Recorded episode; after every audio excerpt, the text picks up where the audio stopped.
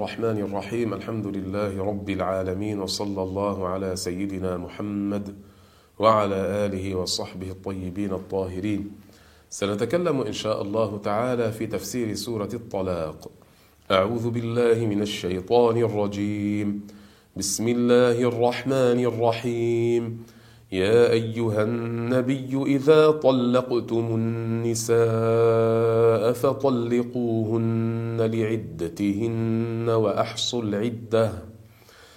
أي إذا أردتم تطليق النساء فأوقعوا الطلاق لاستقبال عدتهن وهو الطهر ويعني بالنساء المدخول بهن من الأزواج. والمراد من الآية أن يطلقن في طهر لم يجامعن فيه. فالنساء في الطلاق ضربان. ضرب في طلاقهن سنة وبدعة أي يوصف طلاقهن بذلك بحسب الحال وهن ذوات الحيض. والمراد بالطلاق السني الطلاق الجائز الواقع على وفق الطريقة التي أرشد إليها الشارع في إيقاع الطلاق.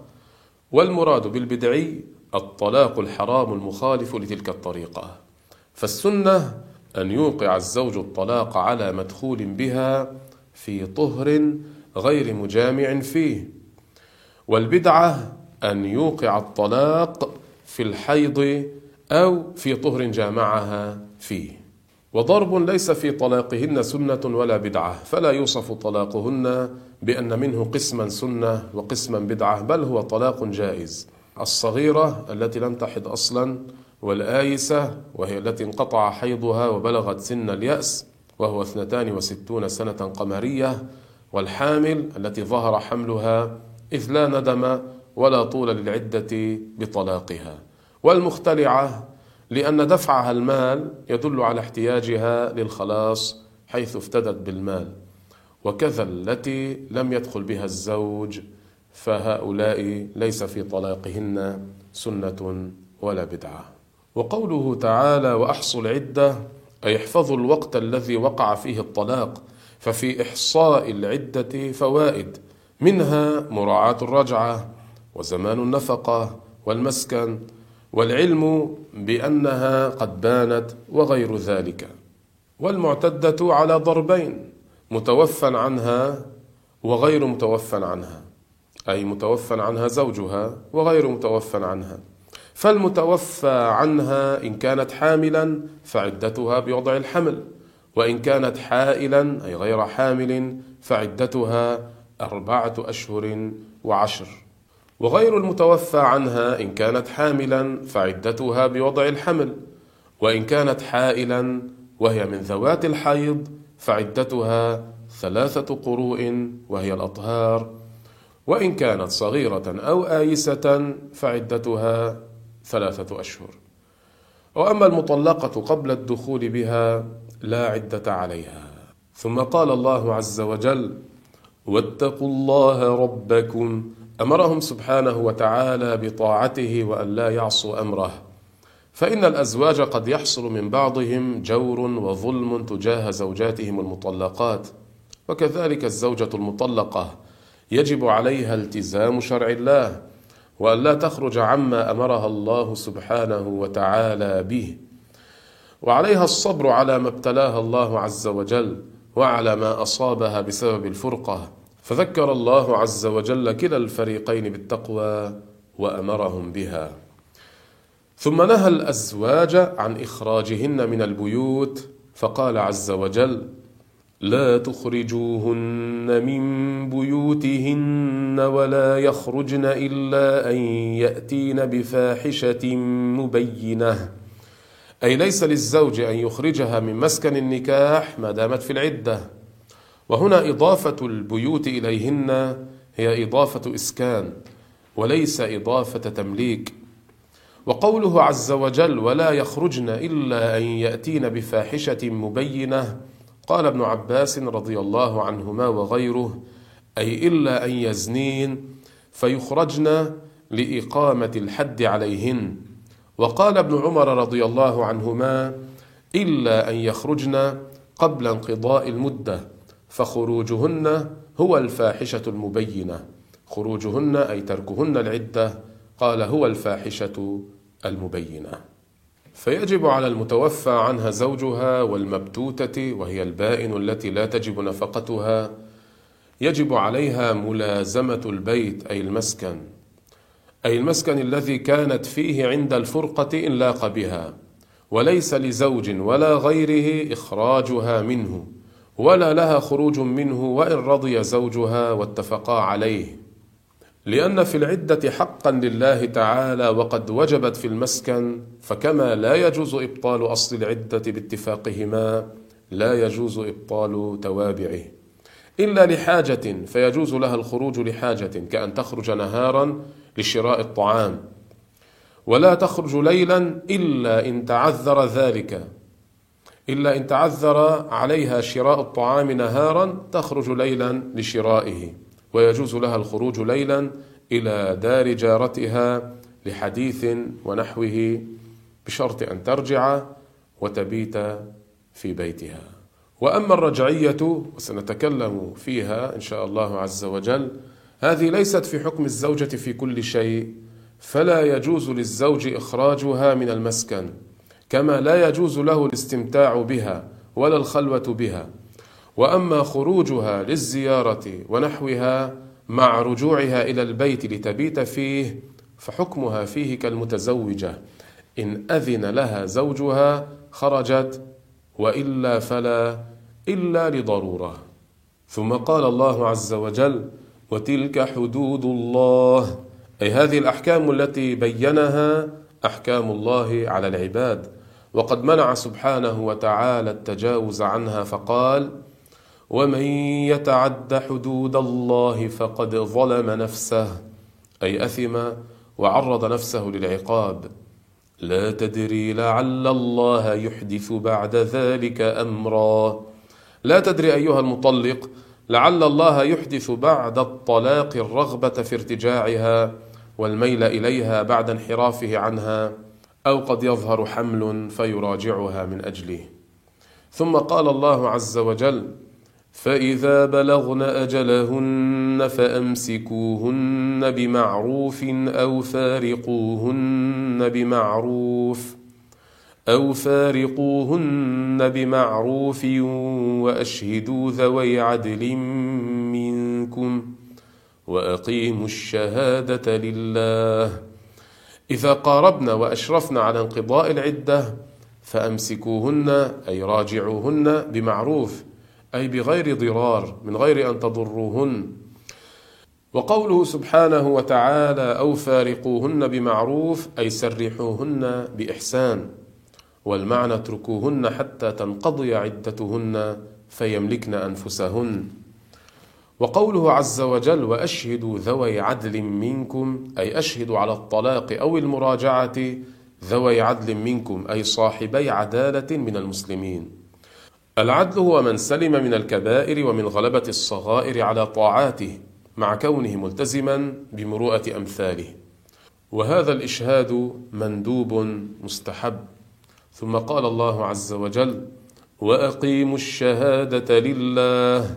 أي أدوا أيها الشهود الشهادة إذا استشهدتم تقربا إلى الله لإقامة الحق من غير تبديل ولا تغيير. ثم قال الله عز وجل ذلكم يوعظ به من كان يؤمن بالله واليوم الآخر. ذلكم المذكور من أول السورة من أمر الطلاق والإمساك أو التسريح بمعروف والشهادة بالحق عظة من الله عز وجل لكم. هذه العظة يتعظ بها من كان يؤمن بالله واليوم الآخر. ومن يتق الله يجعل له مخرجا.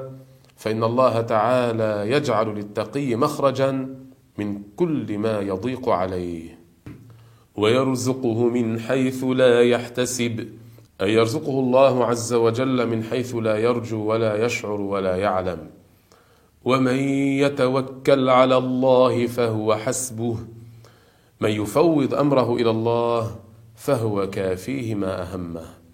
إن الله بالغ أمره. أي لا بد من نفوذ أمر الله. قد جعل الله لكل شيء قدرا.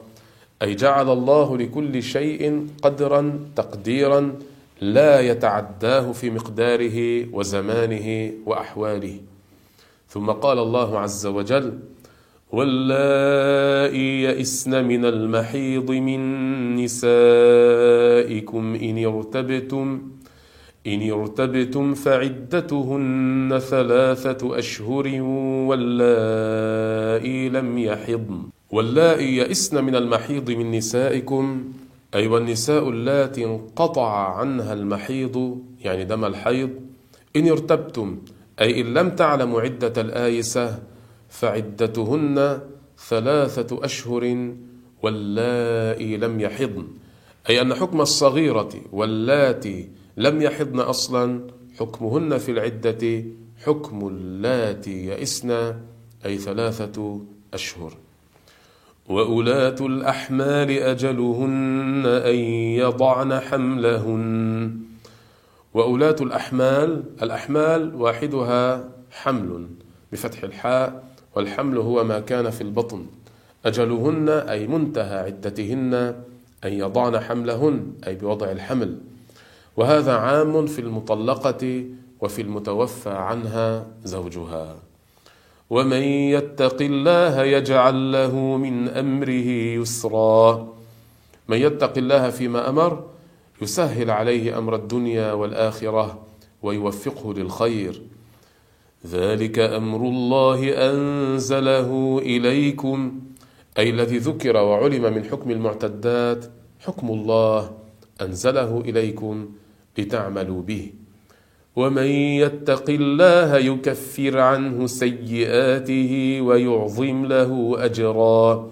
من يعمل بطاعة الله يمحو الله عنه ذنوبه وسيئات أعماله ويجزل له الثواب على عمله سبحانه وتعالى.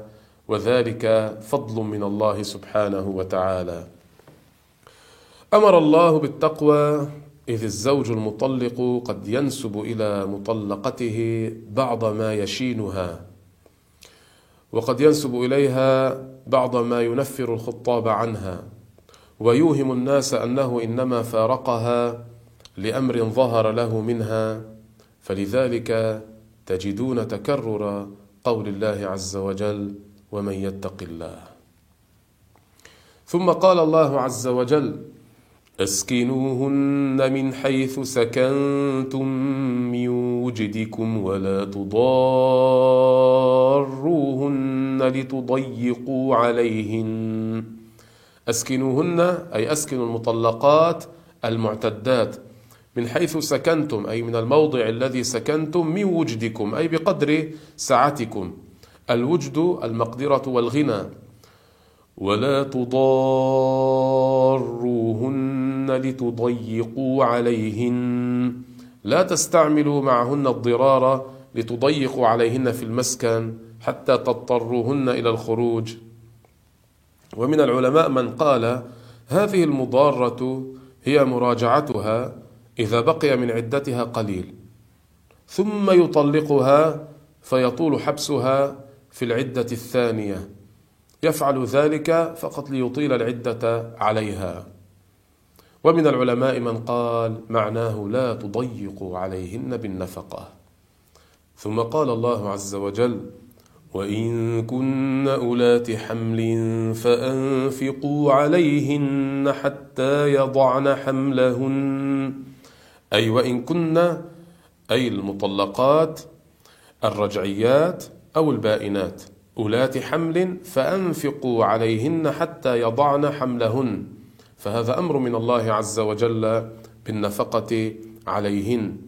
فإن أرضعن لكم فآتوهن أجورهن. أي إن النساء الحوامل المطلقات إذا ولدن فقد انتهت عدتهن. وبن بانقضاء العدة. إذا أرضعن لكم أولادكم منهن فآتوهن أجورهن. أي على الآباء أن يعطوهن أجرة إرضاعهن. إذا طلبن ذلك. وأتمروا بينكم بمعروف. أي تشاوروا بينكم تشاوروا بمعروف تشاوروا بينكم وبينهم بالمعروف. الخطاب هنا للأزواج والزوجات ومعنى بمعروف أي بجميل في الأجرة والإرضاع.